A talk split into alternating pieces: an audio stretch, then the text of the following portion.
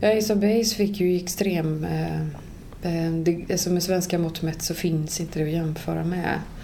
Eh, det var alltså en internationell succé.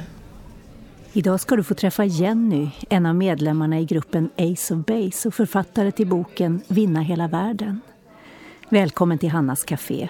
Jag heter Stina Backlund. Och jag heter Marianne Johansson.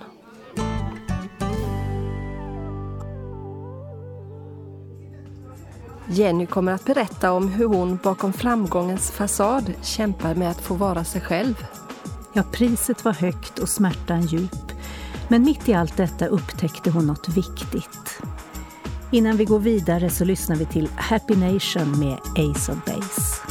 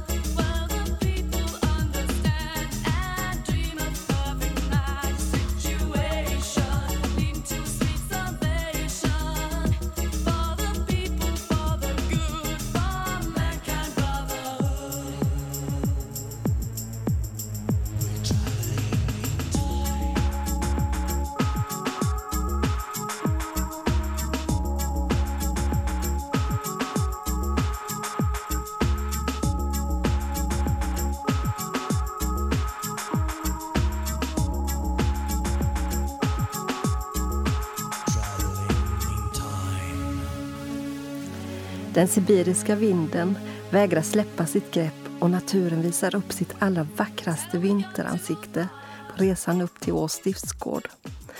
Och så träffas vi och äter lunch tillsammans och sen letar vi upp en lugn vrå med en vidunderlig utsikt över den bohuslänska skärgården. Ja, Jenny Cecilia Berggren föddes 1972 Ja, det är ingen slump att vi träffas på Å. Det är en plats dit Jenny ofta och gärna återvänder. Å har varit en fast punkt i hennes liv ända sedan hon var barn.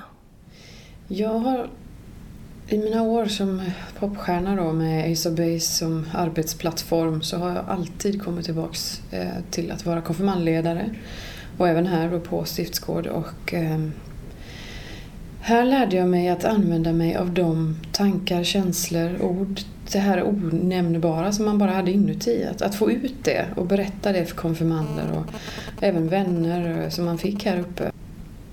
Och Jenny har något att berätta för dig. Det handlar om en skatt som inte kan jämföras med något annat i hela världen. Hon vet vad hon talar om. Men vem är hon bakom den bild som har spridits över hela världen? En vanlig tjej som var med om väldigt konstiga saker. Eh, på många plan. Både det här med den stora gudsbilden som seglade upp redan tidigt som blev en fast pelare när min mamma fick cancer. Ehm, och hur, eh, hur den tron bar mig väldigt, väldigt mycket. Ehm, och det gjorde inte, så jag var ändå en väldigt vanlig tjej, jag var ute och sprang på helger och så här. Eh, och valde liksom inte bort någonting egentligen utan var en vanlig tjej men jag hade en väldigt stark längtan efter Gud. Som inte var vanlig. Och sen så eh, mitt i allt det här så bestämde jag mig för att eh, vara med i en popgrupp då som hette Ace of Base. Eh, eller som blev Ace of Base så småningom. och helt enkelt följde mitt musikaliska intresse och att jag tyckte det var jättekul att sjunga och var jättekul med musik och syntar och gitarrer och sådär. Och att skriva och uttrycka sig i den eh, sångformen har vi haft hela tiden hemifrån. Men det var inte så konstigt men eh, då gick jag helt enkelt och ja, det, det blev ett väldigt ovanligt liv av den här vanliga tjejens vanliga förmågor så på något sätt så blev det något annat. Ace of Base har sålt över 50 miljoner album vilket gör dem till Sveriges tredje största musikgrupp genom tiderna efter ABBA och Roxette. Ja, Ace of Base fick ju extrem... Eh, eh, det, alltså med svenska mått mätt så finns inte det att jämföra med. Eh, det var alltså en internationell succé. Och det säger sig självt att Sverige inte kan riktigt... Det finns inga ramar för att exakt förklara. Jag vet bara att jag vid vissa sådana här tillfällen satt och hade som en sån här eh, en fullständig sanning när jag och min syster satt och pratade var att vi kan inte semestra någonstans och berätta vad vi jobbar med utan att vi får åka därifrån ganska snart. För så är det överallt på hela planeten. Vi kan ju inte åka till månen. Men då åkte vi till våra små stugor här uppe i Bohuslän istället. Det gick bra det med. Att omge sig av vänner som inte är fascinerade av det stora var viktigt för Jenny. Vänner som kände henne bakom den bild som manglades ut över världen. Men framgången gav okända människor ett självpåtaget mandat att kliva över den integritetsgräns som alla, oavsett vem man är, har rätt till. vi brukar säga att det är en väldigt liten bild, en väldigt liten bild som alla kan referera till ur frimärke. Det är vissa streck och så är det en visst litet konstverk, ja visst. Och så, så, så ger man ut det och så är det massupplaga. Jag visste att där kunde jag vara, även om jag var trött och sjuk och hade jetlag och just hade rest, så kunde jag alltid hålla upp den bilden. Och jag lovade inget mer än att vara den bilden. Men då var det också så att folk tyckte att det som man höll upp var ju kanske för litet för, för det som man lyckades med. Och då blev det lite... Fick en, en stämpel av att vara kanske lite patetiska. Det blev lite, lite för lite kanske. Um, och jag skulle nog gjort samma sak igen nu om jag skulle gjort om allting. För det där var viktigt att man, man alltid höll samma bild utåt. Ehm, men däremot så var det väldigt jobbigt i längden att bli bedömd efter att det var att folk upphöjer det till någon form av sanning. Att det är bara så, du är den här lilla saken och ingenting mer. Så man blev ju ett det för folk, ett fenomen. En, det är liksom precis som man pratar om eh, skinkan på julbordet. Det blev så här, jag är en människa. Behandla mig som en sån. Jag har integritet. Ni måste förstå det. Men det, det, var, det var svårt. Det var, det var en väldigt krånglig bit. Folk gick som rakt över en och kunde komma fram till en och knacka en på axeln när man stod i någon form av ICA-kassekö. Alltså man stod där med sina kassar och skulle handla någonting. Och så kunde folk komma fram och knacka en på axeln och säga Du, jag tycker ni är skitdåliga. Så tänkte man, ja, ja just det. Det är just det, det är all, allmän egendom till deras, eh, att, att fara ut över saker. Och så har kända människor överallt i Sverige och eh, andra ställen också. Man blir någon form av soppåse för folk. Det normala var att hon var välkommen överallt. Men det kunde hända att hon fick ett och annat nej som hade sin helt vardagliga, naturliga förklaring. Eh, vad gjorde framgången med henne som person? Det normala var att jag var välkommen och att man togs emot väl och så. Och när man helt plötsligt inte var det av någon som av en anledning kanske inte bara kunde just då. Då visste man inte man skulle ta det för då visste man ju att eh, är det här, förstår du, alltså, man är så van att få ja. Så när den första nej-sägaren kom då, då behövde man nästan sätta sig ner och prata och reda ut det för min del. För då var det liksom, vad är det för fel på mig? Varför vill du inte det? Men jag hinner inte nu. Jag har barn här och du vet, det går inte. Jo men så här, det, man, det var väldigt konstigt. Så man blir ju jättekonstig när det bara är medvind. Och helt plötsligt så kommer en liten naturlig motgång. Eller motvind. Och då blir den jättestor. Då åker man omkull. Fuff säger de. Man har absolut ingen... Just när det blåser åt olika håll när man är på vindpinade ställen här som på Bohuslän. Och så blåser det helt plötsligt frånlandsvind. Då flyger ju träden i backen. För de är inte vana vid att få motstånd där. De är vana att ha det på sätt. Och jag blev ett sånt träd. Jag hade liksom jättebra eh, bild hur man skulle, eller, så här, hur man skulle sköta vissa saker. Och ibland när det kom från ett annat håll då var man helt värnlös. Yttre framgång hänger inte automatiskt samman med den inre känslan av värde. Hur gick det med självkänslan egentligen? Ja, den fick sig en kyss. Man, den, man, den blev förvriden, självkänslan. Jättevriden. Och, eh, jag beskriver även i min bok just den här värdelöshetskänslan. Eh, som jag tror någonstans många människor, jag är inte speciellt ensam om att ha den. Men den är tydlig för mig. Men jag använder den som... Eh, jag ser mig själv som ett sprucket lerkärl och hur Gud lägger ner sin skatt och man får sitt värde i det. Eh, och är inte kärlet rejält brust så syns inte skatten. Och det är en krånglig bild men man, så länge man ägnar sig åt Gud och, och hans, hans vilja så brukar det där bli bra. Och då, liksom, då har man en sån daglig eh, skattnedläggning måste man ha annars så går man ju bara omkring och känner sig som en skrutt. Men det gör jag också.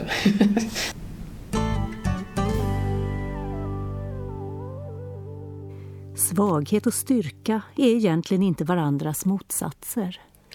Det har du nog rätt i. Styrkan ligger nog i att bli mer medveten om sina svagheter och låta Gud använda det till något gott. Vi ska snart få höra om en mycket svår händelse som Jenny råkade ut för som förändrade hennes liv. Men vi lyssnar först till Alfred Nygren som sjunger Kom och bo i mig.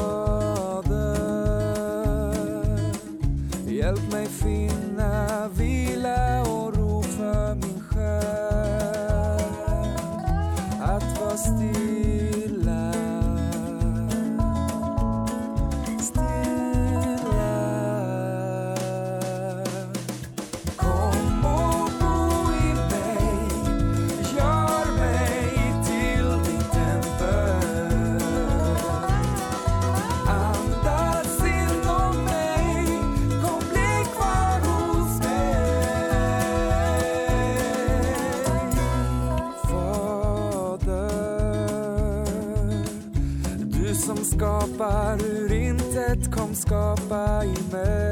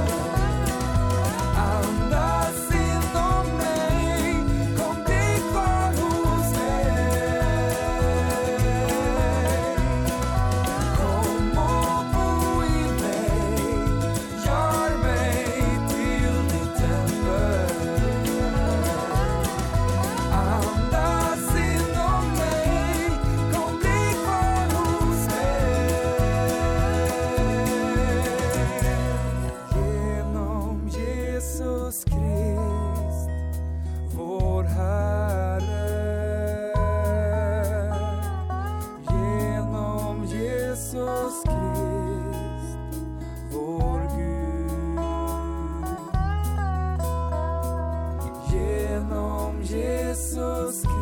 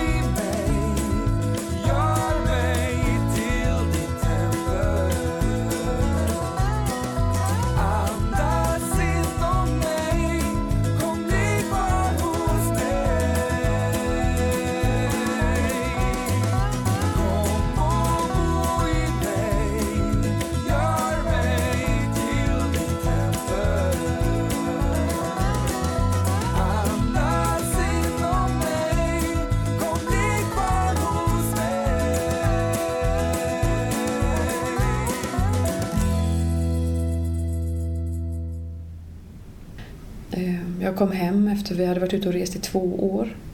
Jag som aldrig lämnade hemmet var ute i två år och reste i sträck. Jag var alltså hemma någon dag per månad och bytte kläder. Och jag kommer äntligen hem, ska vara hemma i flera månader. För att sen åka ut igen i två år i och för sig. Men då visste jag att jag får de här månaderna. Och går och lägger mig i min säng och väcks av en tysk kvinna som eh, väcker mig och med, alltså med kniven mot halsen. Och hon är spritt galen.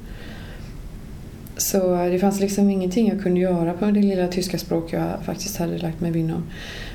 Eh, jag kunde inte hantera henne på något sätt utan det var bara, hon var galen. Och eh, en man tror jag dessutom. Så, eh, så hamnade jag i den här sitsen med det fruktansvärda som, som blev den i natten. Då blev, kom visserligen min mamma hjälpte till, min pappa hjälpte till. Vi avväpnade henne, vi brottade ner henne och polisen kom och ambulansen kom och, och rättegången var. Och, men, men det här gick ju sin gilla gång. Jag fick ju faktiskt, hon blev fälld. Det blev ju liksom tydligt att det var en person som hade varit här. Eh, och det är jag väldigt tacksam för. Jag hade nog haft väldigt svårt om hon smet. Och ute i mörkret fanns det kanske någon, eller en han eller en hon, som vill mig illa igen. Det hade jag tyckt var jättejobbigt. Men ja, vi fick fast, vi fick namn, vi fick åtgärdsprogram, vi fick eh, en dom. Eh, och det var väldigt skönt. Vi fick utvisning i tio år på henne också. Och det var väldigt skönt, det betydde väldigt mycket. Men för mig, i min själ, på den där höga tronen som Ace Base hade satt hela vår lilla kvartett på av tre syskon och Ulf så var jag ensam. Jag kunde inte gå till en psykolog, jag kunde inte lita på att någon inte berättade, jag kunde inte lita på att någon inte såg att jag gick till en psykolog. Att jag gick in och ut genom en psykolog och parkerade för mitt ansikte var så pass känt. Och när jag gick in, alltså det, det var väldigt viktigt att inte bli sammankopplad med att jag sökte hjälp. Så det vågade jag inte göra. Utan jag gick i min ensamhet. Och såret blev inlindat från den här händelsen. Alltså det själsliga såret blev inlindat djupt in i mig. Och började naturligtvis ta sin tribut. För det behövde komma ut och få luft. Det behövde bli rent. Det behövde tvättas. Det behövde opereras. Um, min pappa är läkare så jag tycker det är mycket enklare, eller var läkare, han var mycket enklare för mig att tänka att jag den gången fick en, en, alltså någonting, ett djupt jack in i magen. Alltså man tar det till kroppsliga tanket liksom. Um, och många sådana själsliga grejer som har hänt mig, det, då liknar jag vid att ja, men där bröt jag nacken och där liksom fick jag tio knivhugg. Och det är enklare att tänka så, för då vet jag att det tar tid att läka. Då förstår jag att om man har brutit nacken då måste man ligga i gipsvagga i jättemånga månader. Jag kan inte förstå om jag, brutit, eh, om jag bara har varit med om en hemsk händelse att det ska ta tid. Det, där är jag alldeles för ivrig tror jag. Och korkad tror jag att jag är där. Jag är blåst helt enkelt. Jag fattar inte att nej, men nu, nu har jag nästan bragt som livet här. Det kommer ta lite tid nu. Du behöver hjälp. Du behöver professionell hjälp och så. Det, som sagt, jag tog inte den hjälpen. Jag vågade inte ta den.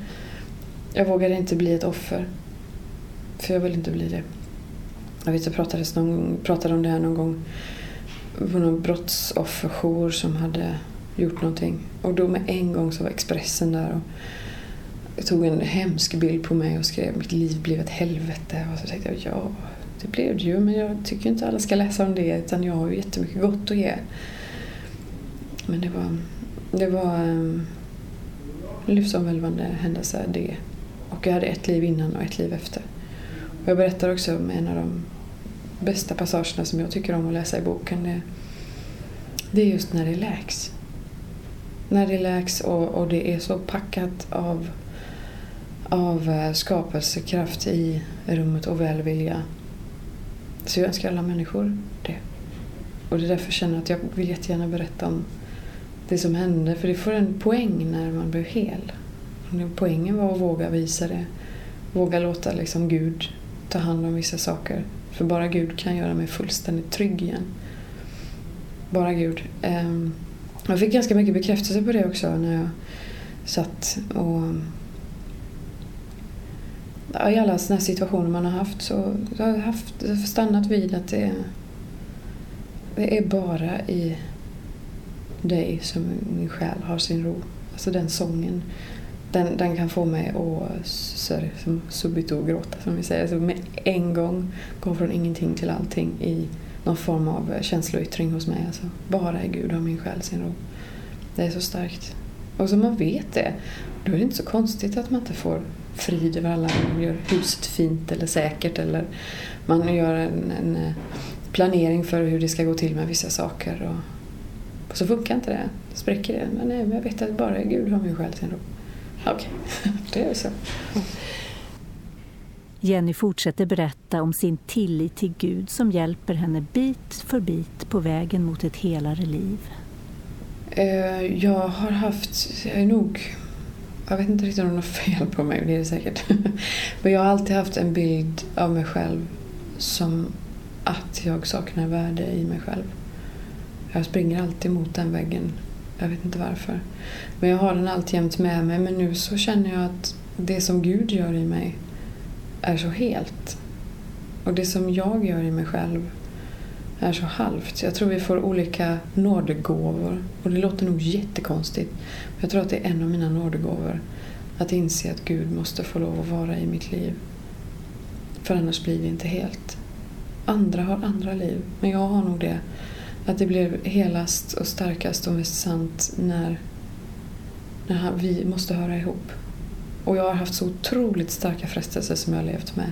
I och med Ace of Base och röda mattor och långa limousiner och höga champagneglas och bara jag-sägare och nickedockor överallt.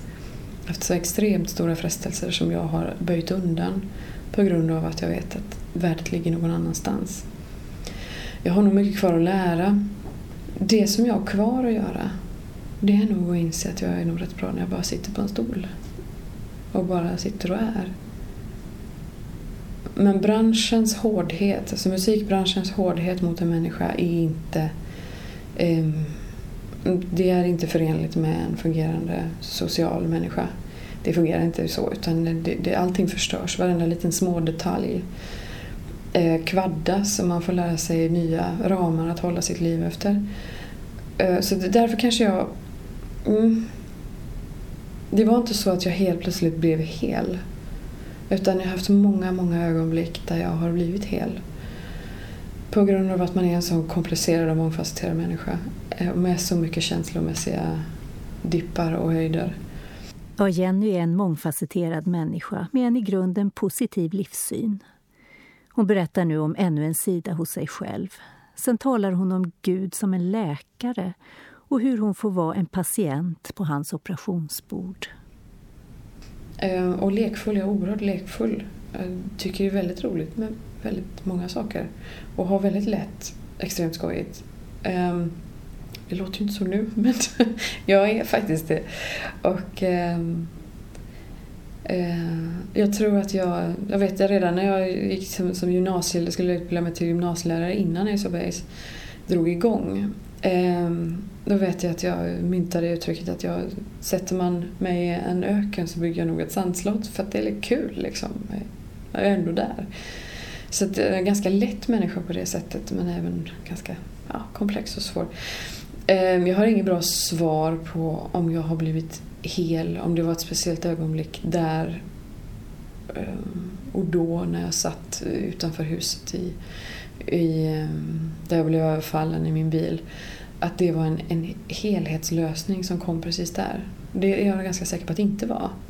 Men jag vet att operationen var väl utförd och eh, den fick mig att tro på att andra operationer i mitt liv var tvungna att göras och skulle bli lyckade de också.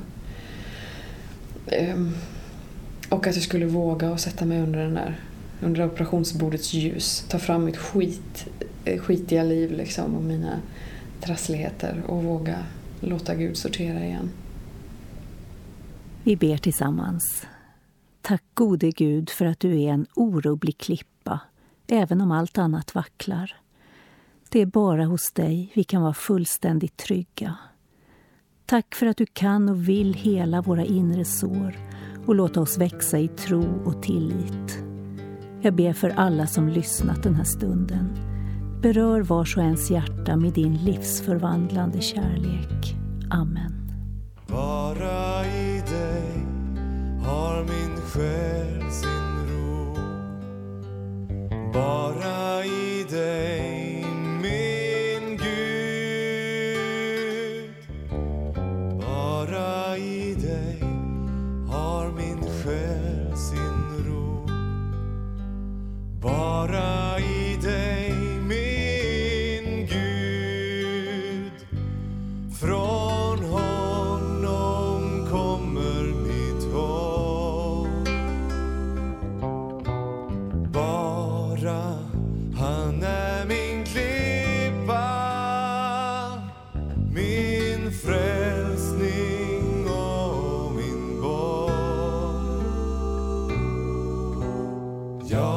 Skall inte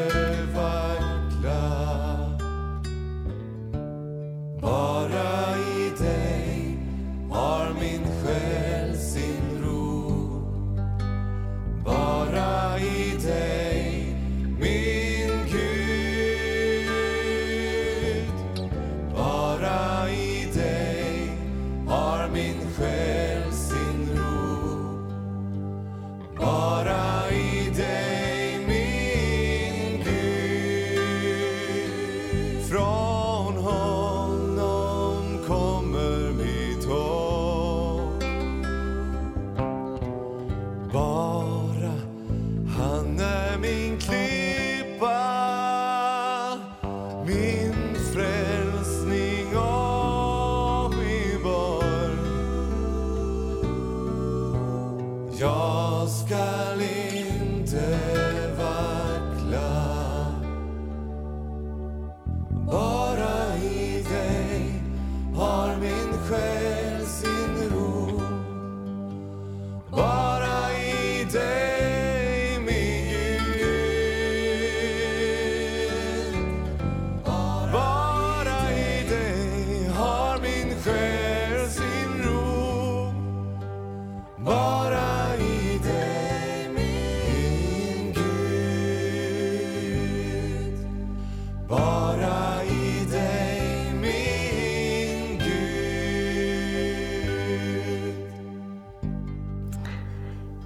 Du lyssnade till Bengt Johansson som sjöng Bara i dig.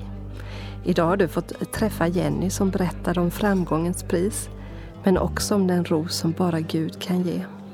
I nästa program kan du höra om den konkreta hjälp Jenny fick när livet var som svårast.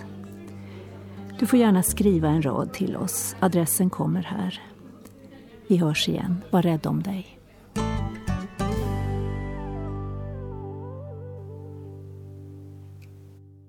Hannas Café är producerat av Stina Backlund och Maggan Johansson för Norea Radio Sverige med adress Östergatan 20 262 31 i Ängelholm. Mailadress ph och webbadress www.hannascafé.se